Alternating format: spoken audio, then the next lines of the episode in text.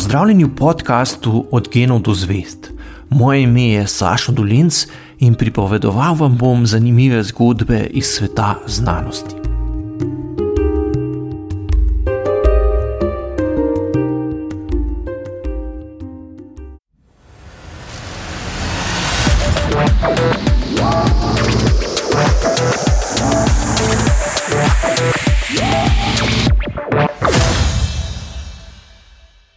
Tretja epizoda podcasta Digitalna Slovenija.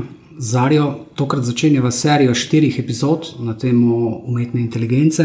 Definitivnega cilja nimava, je pa vsekakor v spredju misel, da predstavimo različne vidike umetne inteligence, pojma, koncepta, ki je uh, globoko v vsakdanjiku prisoten vse bolj. Uh, vsi se s tem ukvarjamo, vsi o tem razmišljamo, vsi na nek način že uporabljamo te stvari.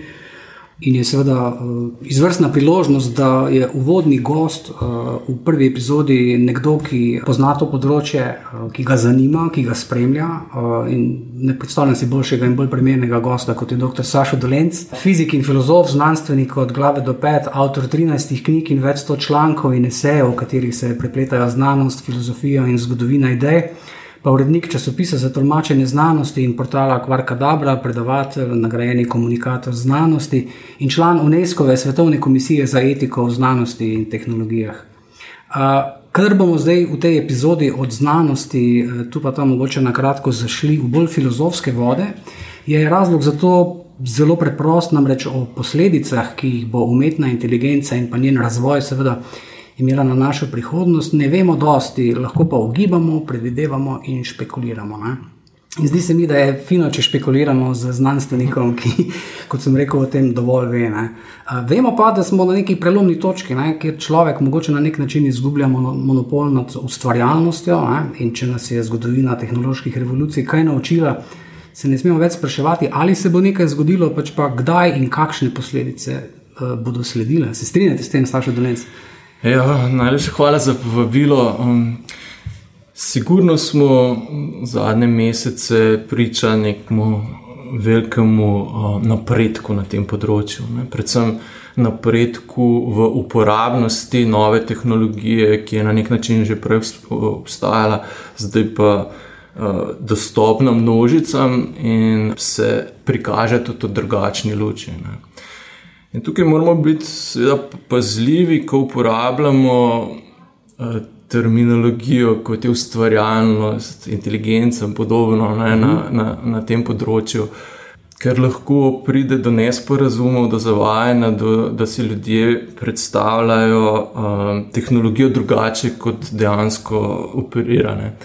Mogoče za začetek dobro, da se vprašamo, kaj sploh je bil ta velik korak naprej, ki se je zgodil konec prejšnjega leta, ne? ko so zdaj kar naenkrat vsi mediji polni teh vprašanj, kaj se dogaja na tem področju, kako naj se odzovemo, ali je velika nevarnost ali ni. Ne? Kaj se je zgodilo? Zgodilo se je to, da se zdaj lahko z računalniki, stroji, zelo enostavno pogovarjamo v svojem materinem jeziku in dajemo ukaze.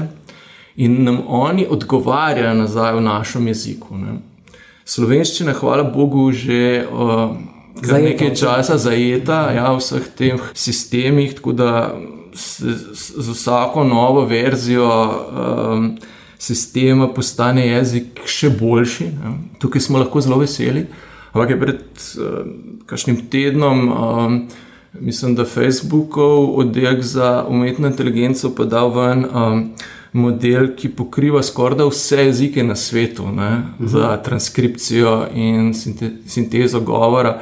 Tako da tukaj je tudi bil storjen korak naprej. Ne vse jezike, ki obstajajo, ampak vse jezike, kjer so lahko dobili dovolj materijala, da so natrenirali ne, um, ta, uh, to, to, to nevropsko mrežo. Tako da tukaj vidim en zelo velik potencial v dostopnosti teh tehnologij, ki mogoče prej niso bile dostopne tako svetovnem merilu ne, ljudem, da bodo zdaj, kaj vem, tudi preko telefonov, ki jih imajo marsikje, tudi v dročnih krajih po svetu. Um, Dostopali do, do teh tehnologij v svojem lastnem jeziku. Recimo v Indiji razvijajo sistem, ki bo omogočil množici dostop do pomembnih podatkov o delovanju države, o raz, raznih razpisih, um, neko interakcijo, ki ni tako robotska, ne, ampak uh -huh. dejansko v, v, v jeziku, ki ga oni razumejo. Ne, tako da tukaj je nek velik potencial. Ki je lahko tudi nekako zelo vključujoč za različne ljudi po svetu. No. O tej dostopnosti teh orodij uh, na podlagi jezika bomo še v nadaljevanju, kaj rekel, zaradi tega, ker verjetno ste imeli v mislih bolj chat GPT, ki dejansko res omogoča, večina jih pa ne, uh, teh orodij, mi journey, recimo ti, ki so za generativno uh, ustvarjanje, rečemo temu, uh, bolj slikovnega ali pa drugačnega vizualnega uh, gradiva, tam je pa ta prompting, se pravi ukaz, še vedno v, primarno v angliškem jeziku. Ne? Eh, ampak, če nadaljujemo, umetna inteligenca ni nekaj novega. Ne? Vseeno pa se zdi, da je ta eksplozija v zadnjem letu nas ujela nekoliko nepripravljene, ne? malo nepričakovano, mogoče vseeno, ker to ponavadi eh, pri tehnoloških prebojih in razvojih vedno spremljamo in lahko napovemo, naslednje leto bomo pa že to in to. Tlepa je kar, da bom rekel, iz nič, ampak naenkrat se, so se pojavila ta orodja. V bistvu ta prehod, ne, glede uporabnosti tega urodja, ne, ki mu rečemo, če je GPT. Um, na tem so kar veliko dela, ne, kako bi naredili stvar bolj uporabno. Jaz sem uporabljal to urodje že prej, ko ni delovalo v obliki pogovora, ampak si moral bolj tako računalniške ukaze. Da je noter, ampak je tudi bil že sistem, kar zmogljiv in podpiral uh, slovenščino in je znal, recimo, šumnike dati na prava mesta, ne, če si poskeniral nek dokument in ga pretvoril. Da, ampak je bilo treba napisati neko kaz, ne? nisi mogel kar v nekem splošnem pogovornem ja. jeziku tega narediti. Uh, to je bilo tisto, kar so naredili pri, pri tem podjetju, so se zelo trudili, da so to naredili, morali so kar nekaj. Um, Inovacij upeljati, ne, mora so neko drugo nevropsko mrežo natrenirati, da je učila ta sistem, da je potem se naučil to izvajati. In um, verjetno so bili vsi presenečeni, kako dobro to deluje. In kako so potem še naprej razvili, ne? zdaj te zadnje, zadnje verzije so res, uh, če uporabljamo še vtičnike ne? ali pa uh mhm. -huh. mogoče da brska po internetu, je res to zelo, zelo zmogljivo urodje, um, ki recimo. Ne vem, včeraj sem upisal eno nalogo matematično uh, z mislim, da matematične olimpijade pa je prav rešil. S pomočjo vtičnika Wolfram Alpha, ne, mhm. ki ima neko veliko bazo znanosti in matematike zadaj, ampak je, ga je znal poklicati in rešiti. Tako da tukaj je res neka zakladnica zadaj, pa, za katero je pa pomembno, da naredimo, da bo delovala varno, stabilno, kakovostno. In zdaj, v bistvu, smo nekako, ker se je to zelo hitro zgodilo, ne, ta prehod, smo nekako v fazi, ko se definira, kaj so standardi kakovosti na tem področju. Ne. In um, se mi zdi, da je v bistvu dobro, da, da ima množica ljudi dostop do tega, da se vidi, kje so problemi in se more hitro odreagirati um, in najti neke rešitve. Ne. Tako da. Uh, Druga pot bi bila, da bi bilo to v nekih zelo uh, oskih skupinah, na kitajskem, ne vem, nekih laboratorijih, uh, znanstvenih po, po Evropi in Ameriki, kjer bi poskušali ljudje predvideti, kaj bodo, ljudje, uh, kaj bodo množice uh, uh, delale s tem in naprej nekako zavarovati se. Tukaj so se odločili za malo drugačen pristop in mislim, da, da, da je zaenkrat kar deluje. No, Jaz bi pa en še en korak nazaj naredila. Zdaj, veliko smo govorili o v bistvu teh velikih jezikovnih modelih, predvsem v, v vašem prvem odgovoru o četu GPT. Um, kako pravzaprav delujejo? Vem, da v vaših zapisih na Kvarkadabri ste kar nekajkrat razložili že celoten postopek. Kaj pravzaprav so ti modeli nevropske mreže, o katerih govorimo? Kaj, kaj je zadaj? Ja, v bistvu nevropske mreže so neki rečemo, računalniški programi, ki jih lahko na podlagi množice podatkov naučimo uh, upravljati določene uh, procedure, ne, algoritme. Klasično računalniško programiranje poteka tako, da programer vnaprej predvidi vse možne Scenarije. scenarije ne, in potem to pretvori v računalniški jezik, in računalnik potem ve, kaj narediti v določeni situaciji. To deluje za. If else, ne? Ja, Logika, to, ja. to, to deluje za eh, kar nekaj uh, orodij, ni pa to dobro, recimo za prepoznavanje govora, za prepoznavanje slik, za generiranje slik jezika, ne? ker zares ne vemo, kako se to, um, ne poznamo sami algoritmov. Ne? No, in tukaj pa pač pride eh, do izraza strojno učenje, to se pravi. Uh, Mi naredimo nek računalniški program, ki se zna učinkovito učiti na množici podatkov. Ja. In tukaj imamo neke zelo velike nevronske mreže, to so programi, ki nekako simulirajo um, nevronske mreže v živih bitjih, ne? ampak so, gre za eh, matematične enačbe, ki nekako računajo številke. Um, na eni strani damo noter, recimo, zakodiran jezik uh, v obliki številk, uh, na drugi strani pridejo ven spet številke, ki jih potem odkodiramo, vmes se pa samo računa. Ne? No, in um, ta pristop se je izkazal, zdaj, ko, so, ko je na voljo ogromno podatkov in ko je tudi na voljo zelo velika procesorska moč, um, da, lahko, da se lahko nauči te prej zapletene postopke um, upravljati na ravni algoritma. Ne. In to so te jezikovni modeli, ki znajo procesirati jezik, ne se naučijo na ogromno podatkih.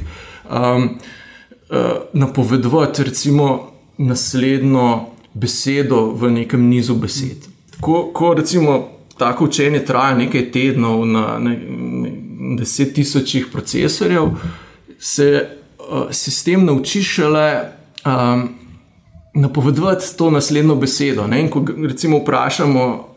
Uh, zastavimo mu neko vprašanje, lahko on odgovori z drugim vprašanjem ali pa z nečim, kar se mu zdi smiselno, glede na vse to, kar je predelal. Ne? Tisto drugo vprašanje je lahko tudi čist um, lepo, ampak ni odgovor na, naše, na naš poziv. Ne? Zato je treba v drugi fazi izvesti še posebno prilagajanje tega sistema za določeno pravilo. Ne?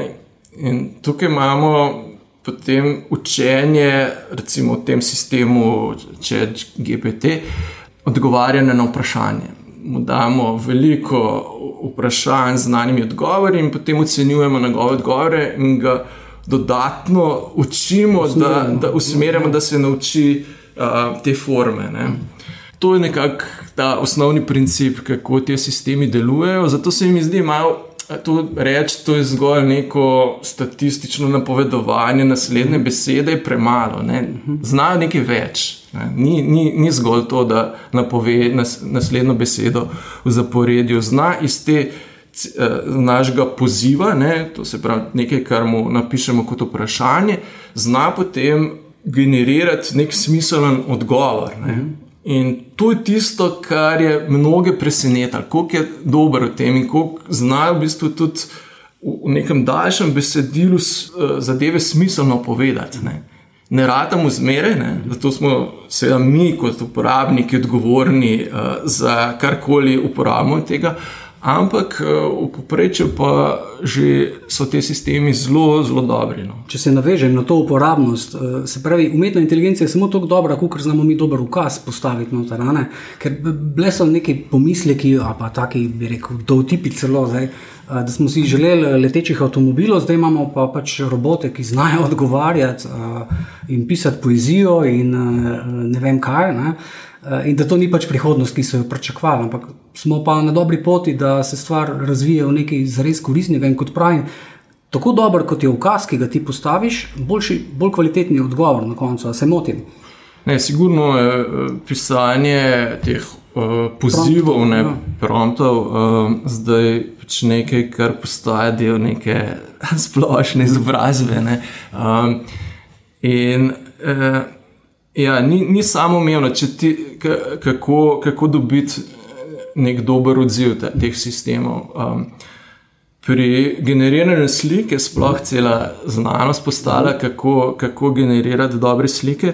Um, pri, pri besedilih je pa podobno. ne.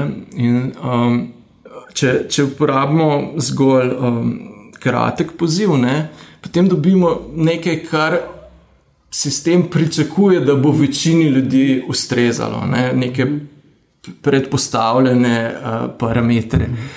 Zdaj, če smo pa bolj natančni, če mu po, pojasnimo, sploh GPT-4, mislim, da je to, kar postavimo na, na višjo raven, da mu povemo, v kakšno vlogo ne se postavi, kontekst, recimo ne? kontekst, ja, ja. Ja, kaj želimo od njega, ne? recimo, da smo, kaj vem, sem učitelj, tok pa tok starih otrok, želim jim razložiti ta pa ta koncept, mi lahko pomagaš z nasveti. Ne? Na ta način uh, dobimo potem bistveno uh, boljše rezultate. Ne. Mhm. Ker pri uh, slikah, ki ste jih omenili, imamo možnost z drugimi urodji, ne s GPT, recimo kot so Mid Journey in tako naprej, tam je uh, osnovni ukaz Imagine poševnica. Mm -hmm predstavljaj si pošiljka in potem je stvar tvoje domišljije, kaj boš ti napisal. Ne? Zdaj spomnite se mogoče te viralne fotografije papeža v beli puhovki. Recimo, to, je, to, to je en tak banalen primer, ampak uh, možnosti so pa, vidimo te slike vsak dan ne? na družbenih omrežjih. Ljudje imajo noro dobro domišljijo, moram reči. Mm -hmm. Ja, in v bistvu je zelo dobro kombinirati te sisteme, da recimo tekstovnemu um, sistemu rečeš, da ti izboljša um, poziv za mid-journey in dejansko naredi to ne? in bistveno uh, boljše formulira uh, in dobiš potem boljšo sliko. Ne?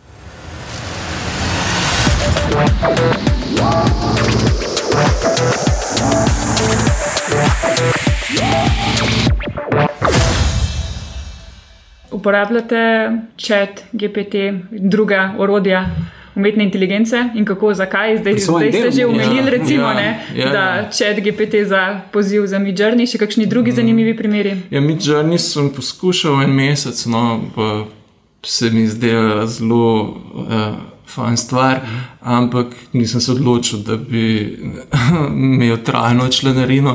Um, zdaj, zdaj sem pa poskušam to plačljivo verzijo, če GPT. Ja, zato, ker je zdaj dostopno kar bistveno več funkcij. Pravno vtičniki, ki ste jih plačali. Ja. Ja. Um, to, to je pač nekaj tednov.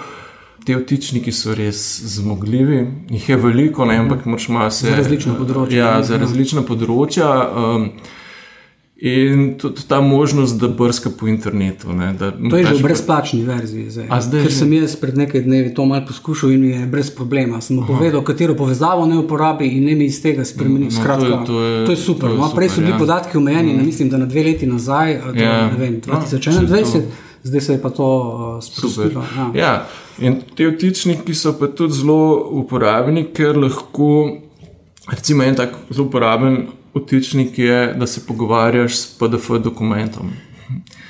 Ti mogoče, da nekam presnameš PDF dokument, ki lahko tudi ima več sto strani, kar je preveč informacij, da bi lahko nek uh, poziv spravil. No, on pa potem ta dokument ločeno indeksira in potem, glede na tvoje vprašanje, sistemu predstavi samo tiste dele dokumenta, ki so ključni za tvo, tvoje vprašanje. Ne?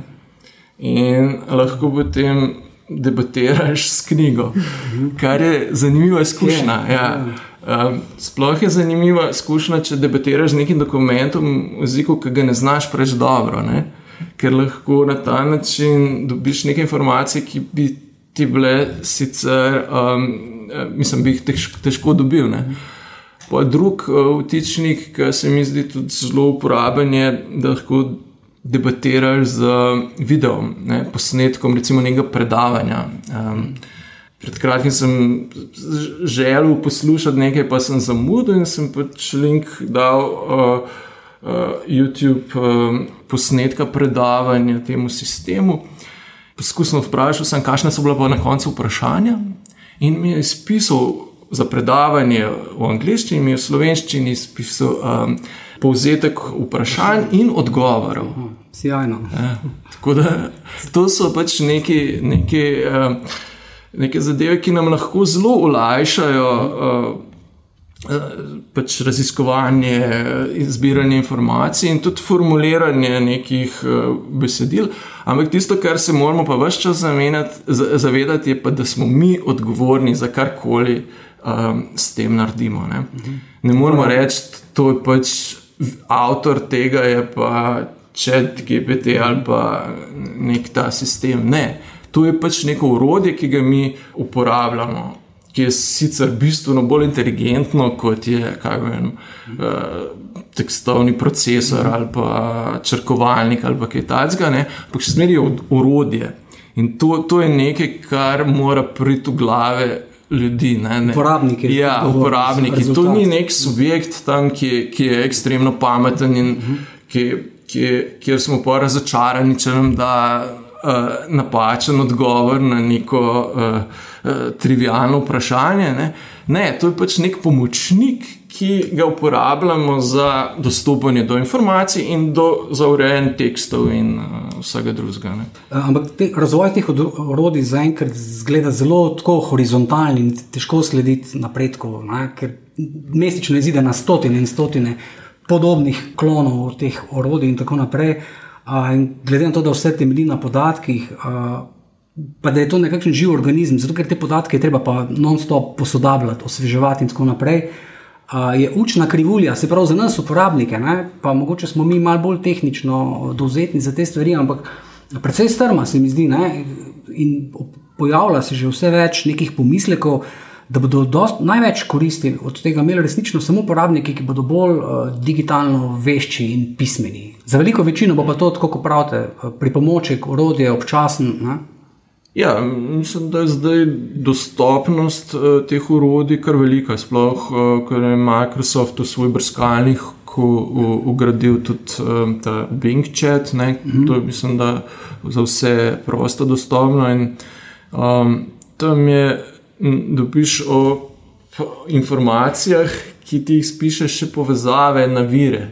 In lahko sam preverjaš. Ne? In potem ti tudi spodaj napiše nekaj uh, pod vprašanj, ki jih sam predlagam, potem samo klikneš. Ne? Tako da to sugerira nek, neko diskusijo, in je to lahko v bistvu zelo koristno za ljudi, ki ne, ne vejo, kaj bi vprašali, ali kako, kaj, če se sploh ne razumejo, ne, mogoče niti ne vejo. Ne, da na ta način si lažje ustvarijo neko boljšo sliko o vprašanjih, ki, ki jih zanimajo, ki jih iščejo, kot so jih prej, recimo, če so brskali z brskalniki, kot je Google ne, ali pa iskalniki, kjer si moral pač po še gledati, in mogoče zadetki na vrhu niso bili glih najbolj reprezentativni mm. za a, neko dobro predstavo. Ne. Tako da je lahko to ta nek, kako bi rekel, javni diskurs pridobi s tem, ne, če, če bo ta ta sistem dobro deloval in bil, seveda, dostopen ljudem. Ne. E, jaz, ki bi rekel, se občasno tudi malo z grafičnimi urodji e, uporabljam, sem bil izjemno navdušen, nedolgo na tega, ker je prišla ena posodobitev za Adobe paket. In sicer v Photoshopu, ne, kjer je recimo en oblikovalec prej rabo, bi rekel, par ur, da je zelo precizno. Ne, e, Nekaj izrezov, pa naredil eno fotomontažo, zdaj to naredi z vtičnikom, ki se mu reče Firefly v Adobe in je podobno. Ukazna mm. vrstica, odstrani ozadje, nadomesti reko z potokom ali pa z jezerom, eh, naredi nebo bolj temno in je to tri sekunde in je mhm. stvar tam zgenerirana. Res ne, včasih že malo na magijo eh, meji, sicer vemo, da to ni magija, ampak vseeno. Ne. Eh, je pa Arthur Clark, ne, mm, že pred 60 leti v knjigi Pročevanje meja mogočega napisal tiste svoje tri znamenite zakone, da je vsaka dovolj napredna tehnologija, Eh, se ne razlikuje od magije. Ne? Seveda, zdaj ne bomo nekako praznoverje uvajali noter, ampak uh, vprašanje, ki se pri tem pojavlja, je pa uh, zaupanje tej umetni inteligenci. Uh, predvsem, ko bo šlo enkrat za zares, zares pomembne odločitve. Tle se lahko mhm. igramo z besedili, pa malo slike uh, spremenjamo in se hecamo s tem, ampak uh, bomo ta konsens, ne, to točko zaupanja, kdaj uh, dosegli, če sploh. Ja, seveda, moramo predvideti možne scenarije, um, ampak nekako se realistično o tem pogovarjati, ne um, kot znanstveni fantastiki, ampak kaj te, ta urodja, ki so tukaj, ki se lahko še naprej razvijajo, kaj zmormo, zmorejo in kako jih narediti varna za uporabo. Ne. In tukaj um, kar spremljam poročila teh um, podjetij, kot jih pač objavljajo. Um, in dejansko močno trudijo narediti uh, te, te sisteme čim bolj varne in da, da delujejo tako, da, so, da, da je neko zaupanje, da tisto, kar dobimo, um, ni neka fikcija, ampak ima neko težo. Ne. Uh, predvsem so pri teh um, orodjih GPT-4, recimo, sploh 4, so velike napore, napore vložili, kako preprečiti, da bi ljudje generirali neke družbeno nespremljive vsebine. Ne. Pred kratkim sem bral primere, ki so jih navajali, kaj je sistem izpisal najprej, ko so ga naredili, ja. potem, ko, ko so, ga, ko so ga dali v javnost. Ja. Ne, ko, uh, To so, to so vse pač preizkusili že prej, preden je bil dostopen javnosti. Ne? Recimo, kako največ ljudi pobiti za en dolar. Ja, ja. In je napisal ja. najprej pač nek ja. postopek, kako se tega lotiti, ali kako rekrutirati nekoga za Al-Kaido. Mhm. In uh, potem zdaj, kaj naredi, mhm. um, ki se upraviči. Pa, Zdaj, tako Bing uporabljamo včasih, ne vem, če, če se komu drugemu že to zgodilo, ne, pač začne generirati odgovor, pa pa kar nekako se v sredini odloči, a pa ga ja. začne brisati, Aha. ker je gotovo zgleda, da, ja. da nekaj ni, ni pa pa napiše, da se upravičuje, ampak če lahko kakšno drugo vprašanje zastavi, da tukaj pač se ne čuti kompetentnega. Ne. Mhm. In to je nek napredek, ki je dober. Um, mhm. Uh, Ampak ti sistemi se učijo tudi sproti, znaš uporabljati. Seveda, ne, seveda, se. Seveda se učijo. Um, in, um, ja, ampak je, se mi zdi, da tisto, kar, kar je stališča neke dobre uporabe uh, med ljudmi pomembno, je to, da je poskrbljeno za, za neko to osnovno varnost. Da, da se ne da zlorabljati zelo enostavno, vse se najdejo načini, ampak jih potem spet zaprejo, ne? tako kot pri vseh drugih tako, tehnologijah, ja. ampak na tem se dela. Uh, in tukaj je, uh, se mi zdi, da, da, da, da, da vse te industrije, ki so to dale ven, so šle z nekim. Glede na to, kaj se je tudi prej dogajalo, ko so podobne modele pred leti že dal ven, pa, pa ja. so hitro začeli um, neke zelo sovražne stvari producirati. Ne? So bili zelo pazljivi in da jim zdaj kar nekako uspeva. No, hitro odreagirajo na vsa poročila, da se je kaj čudnega zgodilo. Da, um, uh, Ker eden od očitkov ali pa zadržkov, ne, bi rekel, teh, ki so malo bolj previdni pri uh, implementaciji javnih teh, vseh teh orodij, je, da je. Uh, Ena značilnost umetne inteligence je, da ima ogromno pristranskosti, ker, ker jo je človek k temu navedel in naučil dobesedno. In te pristranskosti se kažejo pravzaprav v, v rabi oziroma v rezultatih, uh, ko ljudje to uporabljajo. Uh, bi rekel na drugem področju, ne toliko na, pri teh jezikovnih modelih, ampak da nimo. Uh, obstaja ena raziskava, kjer so uh, kamere in tehnologija za njimi za prepoznavo obrazov v 99,99 ,99 odstotkih pravilno prepoznale moške belopolte obraze, v samo 35%, pa recimo ženske temnopolte obraze. Ne?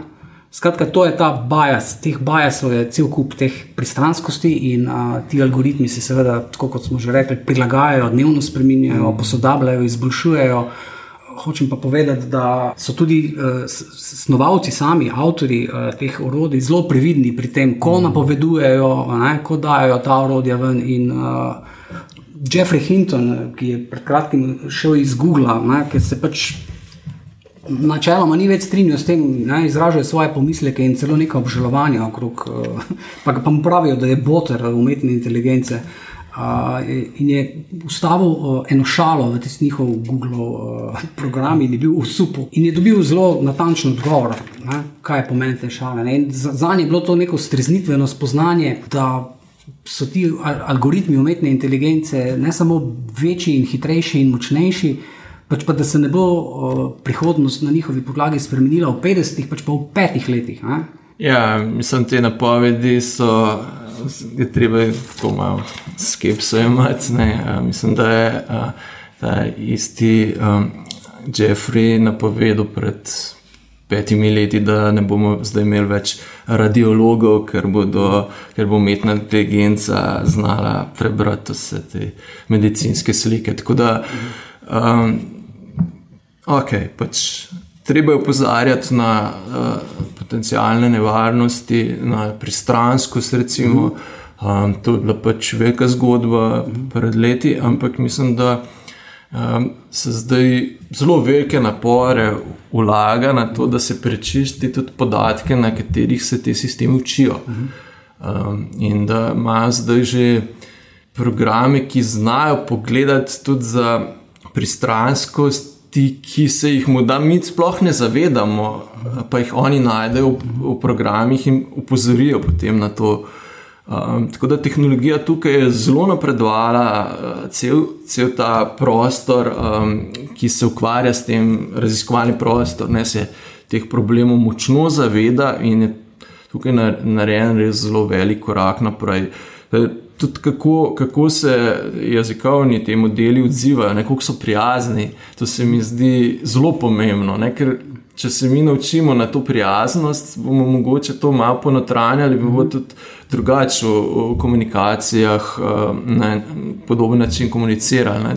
Tako da um, te pomisleki, ki so bili relevantni par let nazaj, prav glede recimo tome povtih obrazov ali pa podobnih stvari, ne, to, to je zdaj zelo močno napredovalo in um, smo mogoče pred vprašanjem, do, do kje je zdaj pustiti nekako. Um, to, to je v bistvu dilema za enkrat, predvsem v, v Evropi, um, kako regulirati in katere aplikacije teh tehnologij prepovedati. Recimo, to, to je zdaj ta veliki zakon, ki se mhm. pripravlja na, ja. na ravni Evropske. Uh, Aktov, ja, ja, ja. Ja, ki bo prepovedoval določene mhm. um, Ker je zapovedoval registracijo in take stvari. Ja, ja pač in zdaj isto, tisto, kar morajo um, ti zakonodajalci najti. Prava meja, ne, da ne bomo preveč ja. zadušili za, za tega razvoja, in, razvoja ja. da se bo razvoj širil na druga področja, ne, mislim, teritorije. Ne.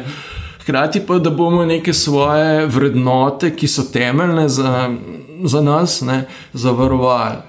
Tra, to, je, to je pač kar uh, kompleksno ja. vprašanje, ki nima enostavnih odgovorov. In, uh, mislim, da tukaj se, uh, se išče neke kompromise, ki, ki mislim, da bodo pač, uh, tudi zgled mogoče drugim. drugim no, to sem hotel reči. Imate občutek, da bo spet EU vodila na tem področju, recimo podobno kot pri GDPR, ne, uh, kjer ja. bo postavila neke globalne standarde, mm. ki se bodo potem prenašali posod po svetu. Ja, in zdaj tukaj moramo pač biti pazljivi, da ne bomo zašli v. Kaj vem, primer gensko spremenjenih organizmov, ne, ki smo v Evropi preveč zadušili to področje uh -huh. in tudi znanost se ni mogla uh -huh. uh, razvijati na tem področju. Tudi v Sloveniji smo imeli zelo dobre uh, raziskovalce, ki pač niso mogli več, so morali se preusmeriti. Uh, to, to je treba res paziti, ne? da nek ta aktivizem ne gre pre, pre, predaleč. In, uh, je pa dobro, da, da se o tem govori, razmišlja in tudi, da se določene. Um, uh, tehnologije prepove. Ne?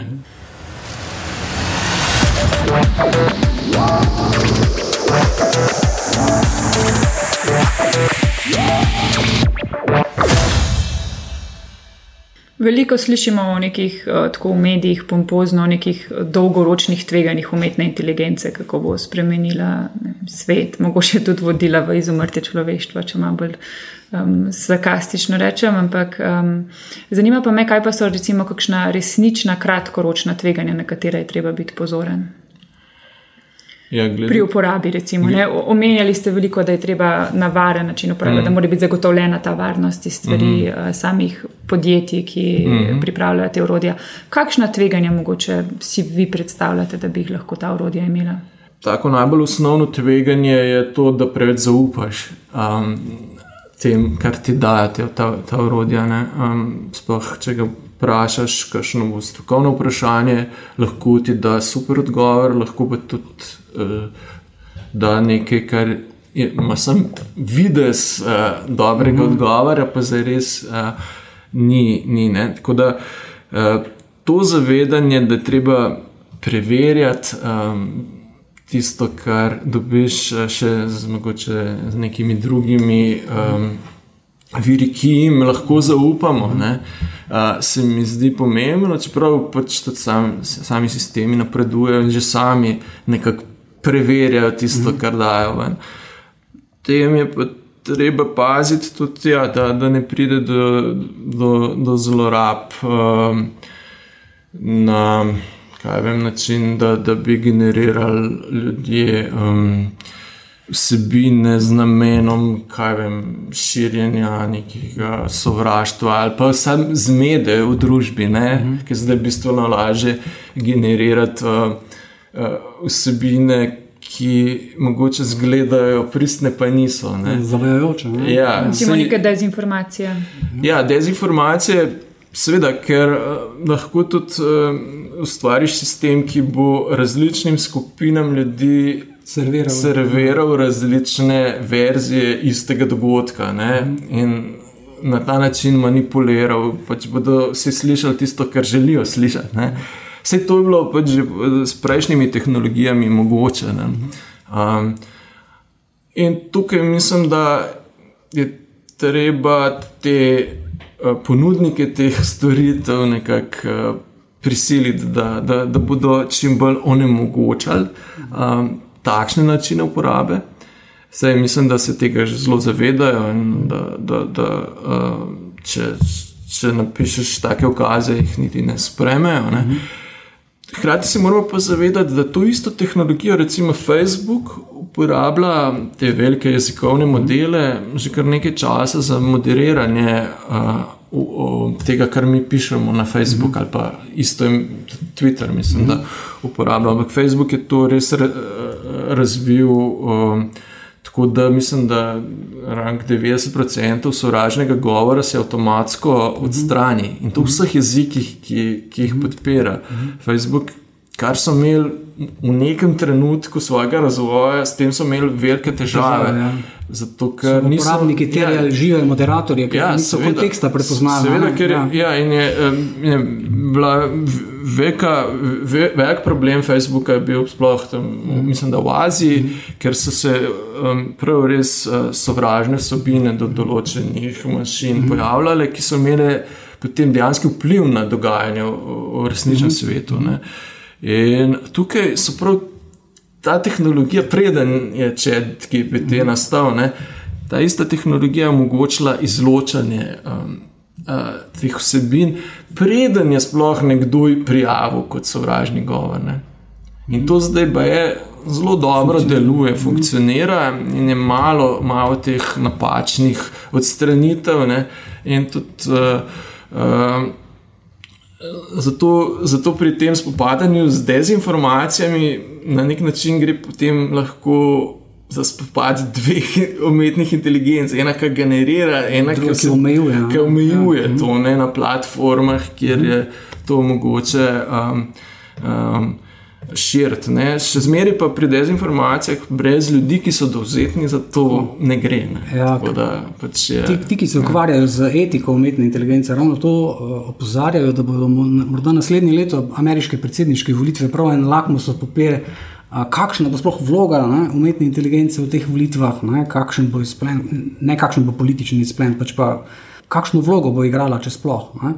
Najbrž je bo, predvidevam, zaradi tega, ker imamo na voljo spet neka nova orodja, ki jih mogoče pred štirimi leti nismo imeli. Ne? In jih bodo vsi ti marketingeri in vodje kampanj poskušali izkoristiti, seveda, v svoj prid.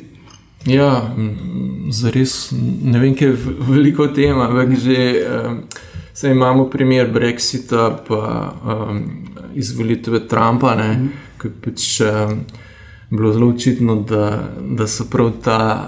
Eh, to nagovarjanje specifičnih ciljnih publik skozi družbene medije, ker pomembno vlogo igralo na tistem jeziku, da, da se stvar prevagala v drugo smer. In tukaj pač je problem, da imamo določene tudi globalne igralce, ki imajo prav cilj, da ustvarjajo zmedo v nekem javnem prostoru. Ne.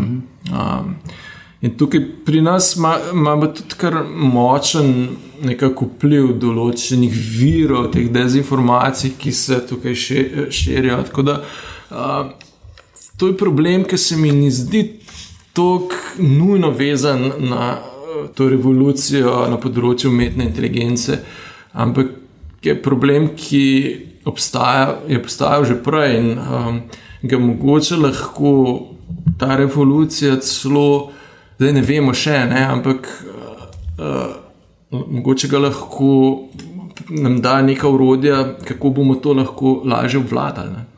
Uh, omenili smo potencijalne potencijalna kratkoročna tveganja uh, na podlagi umetne uh, inteligence, to so dezinformacije. Omenili smo potencijalno dolgoročna uh, tveganja, neko izgubo nadzora, apokaliptične scenarije, ki so malo verjetni. Potem pa so tu uh, po neki klasifikaciji še neki srednjeročna tveganja.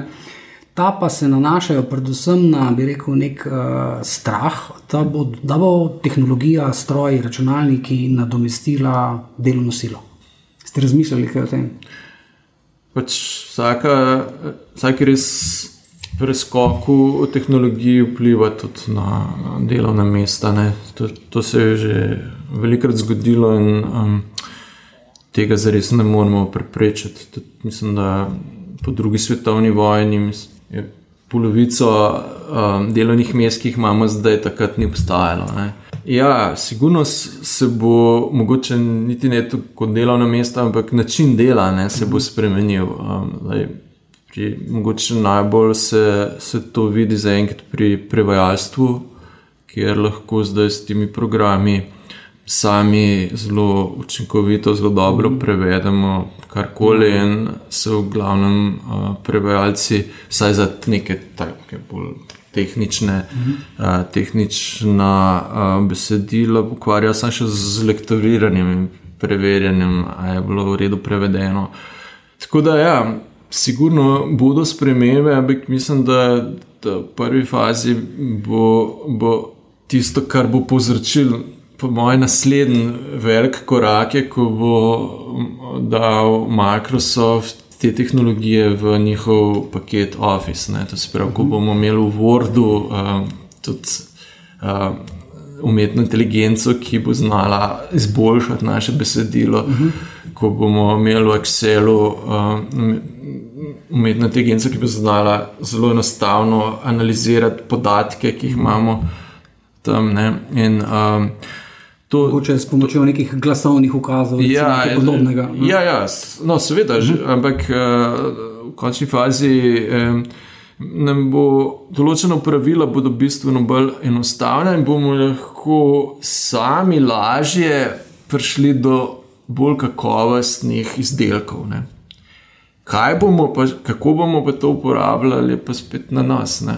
Zdaj, šole, fakultete imajo, so imele, no, zdaj ne vem, če imaš še. Um, Veka posvetovanja, kako zdaj to vključiti v šolo, kako prepovedati um, uh, te, te sisteme. Ne vem, v Ameriki mislim, da takoj, ko je um, GPT prišel, konec novembra lani, mislim, da ven, ne, ko so učitelji to preizkušali, so bili tako uh, fascinirani nad tem, da so na nekaterih šolah predlagali, da bi celo blokirali, ja. blokirali to, to spletno stran. Uh, ampak to je napačen pristop. Ne.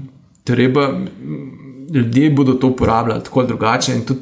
Prav je, da to uporabljajo, ampak treba je na smiseln način uporabljati. Tudi zdaj, mislim, da učenci, dijaki, študenti to na veliko uporabljajo, tudi v Sloveniji. In treba je prilagoditi sistem, da bo znal preverjati znanje, tudi neodvisno od tega, ali si uporabil to. Ne. Predvsem se je treba um, ljudi prisiliti na to, da bodo stali za vsako besedo, ki so jo napisali. In zato se mi zdi ta pristop, ki so ga nekje na nek nekaterih fakultetah um, uveljavili, da moraš priložiti celotno dokumentacijo, tvoje, tvoje mm. kako si se pogovarjal z mm. tem sistemom. Ne, se mi ne zdi pravi, kdo bo to gledal, zakaj, mm. zakaj bi sploh to prilagajal. Ne. Ti moraš pač preveriti, a študent dejansko, on je tisti, ki je avtor tega, ja. tega teksta. A dejansko stoji za vsako besedo. Mm. Ti moraš preveriti, če če si je pomagal z nekim urodjem, ok, ampak dejansko razume vse, kar je tam napisano, stoji za tem. To, to je tisto, uh, kar, kar bo zdaj postalo pomembno, kar je pa tudi na, na ravni učiteljev, profesorjev. Um, terja neko, nek večji angažma. Ja, ker slišal sem, da so ravno učitelji, eh, se pravi, pri eh, nalogah, ki so nastale s pomočjo ChatGPT-ja, eh, ne bom rekel zahtevali, ampak izrazili željo, da nastane še urodje, ki bo omogočalo preverjanje, do kakšne stopnje je to z umetno inteligenco narejeno. To, te, ta urodja so, jaz sem preizkusil, pa sem dal nek svoj svoje besedilo izpred desetih let, ko teh urodij še ni bilo, ne? tako da pač ni nastalo zdaj in mi ga je uh, označil kot da je verjetno generirano za, mm. za umetno inteligenco. Ne? Tako da tu so dokaj nezanesljivi. Um, ta urodje je že kar nekaj časa, da se preverjajo plagijacije. Ja, takšne stvari. No, to, to je nekaj drugega, plagijat. Okay, ja. uh, plagijat je nekaj drugega. Ne? Mm. Um, ta urodja ne bi pre, preverjala, ali je nekaj generirano z ja. umetno inteligenco ali ne. To, to, se, to, to se mi ne zdi smiselno, zato ker Preslej bomo vsi v Wordu uporabljali, bomo pač nekaj napisali, pa bo tam en gumb popravi mislovnico, izboljšaj ta odstavek. Pač že zdaj je, če GPT že zdaj, no, ponovno ja, reformulira nekaj v tem smislu. To, ja, ja, ja, ampak, besede, to ne pomeni, ja. da mislim, to je pač nek pameten uh, črkovalnik na neki vrsti ali pa nek, nek pripomoček, ki nam. Uh, omogoča, da, da zboljšamo in tudi zboljšamo komunikacijo. Naš te, no, naše besedilo je s tem urodjem postane lažje razumljivo ne, mhm. ciljni publiki. Lahko ga prilagodimo za otroke, lahko ga prilagodimo za um, uh, kogarkoli, ne, mhm. bolj enostavno. In to, to so pač urodje, ki jih bomo zdaj začeli uporabljati, več ali manj vsi, ki bomo. Uh, um, pisali, da daljše stvari. In se mi zdi, da, da bomo imeli od tega vsi um, neko korist, zato ker bo tudi za bralce lažje. Um, Brati tekste, ki so bolj tekoči, bolj jasni. Ne? Bo sistem mogoče že opozoril samega pisca, da je nekaj nejasno napisal ne? um, v, v neki fazi, kar se mi zdi samo koristno. Ne? Če za zaključek strnemo, vaš vtis oziroma vaše predvidevanje, uh, umetna inteligenca prinaša več vznemirljivega in dobrega, kot pa recimo razlogov za zaskrbljenost v bližnji prihodnosti. Ja, če, če skrbimo za vse te uh, možne uh, stranpoti, ne, potem definitivno. Uh, Prinaša zelo veliko koristnih uh, novih orodij. Uh, zelo pomembno je pa, da pač na vse skupaj gledamo kot na orodja, ki nam pomagajo um, pri, pri delu, ne pa kot na nek, um, kaj vem, pameten subjekt zadaj, ki pozna odgovore na vsa vprašanja. Um, in je, glede katerega smo potem razočarani, ko nam da enkrat odgovor, je, za katerega vemo, da je napačen. Ne, ne biti moramo pripravljeni na to, da dobimo tudi napačne odgovore in da smo mi sami tisti, ki smo odgovorni za vse, kar naredimo s pomočjo teh orodij. Ja, hvala, Saša, da si, si vzel čas. Hvala za povabilo. Mi dva bova ta podcast nadaljevala še na področju umetne inteligence, naslednjih 14 dni, potem še v mesecu juliju. Sicer pa je podcast Digitalna Slovenija na voljo na vseh vaših priljubljenih platformah za poslušanje podkastov, kot so Apple, Google, Spotify, Deezer, Amazon Music Uh, opomnike, napovednike za epizode pa najdete tudi na naših kanalih na družabnih omrežjih. Uh, smo na Facebooku, LinkedInu in Twitterju, pa tudi Instagramu. Uh, za lešem bo zelo vesela vaših vprašanj, pripomb, mnen, sugestij za mogoče uh, prihodne gostje in goste in kritik, ki jih lahko naslovite na naju preko že omenjenih računov na družabnih omrežjih ali pa na naslov elektronske pošte podcast.mdp.afna.gov.si. Do naslednjega slišanja.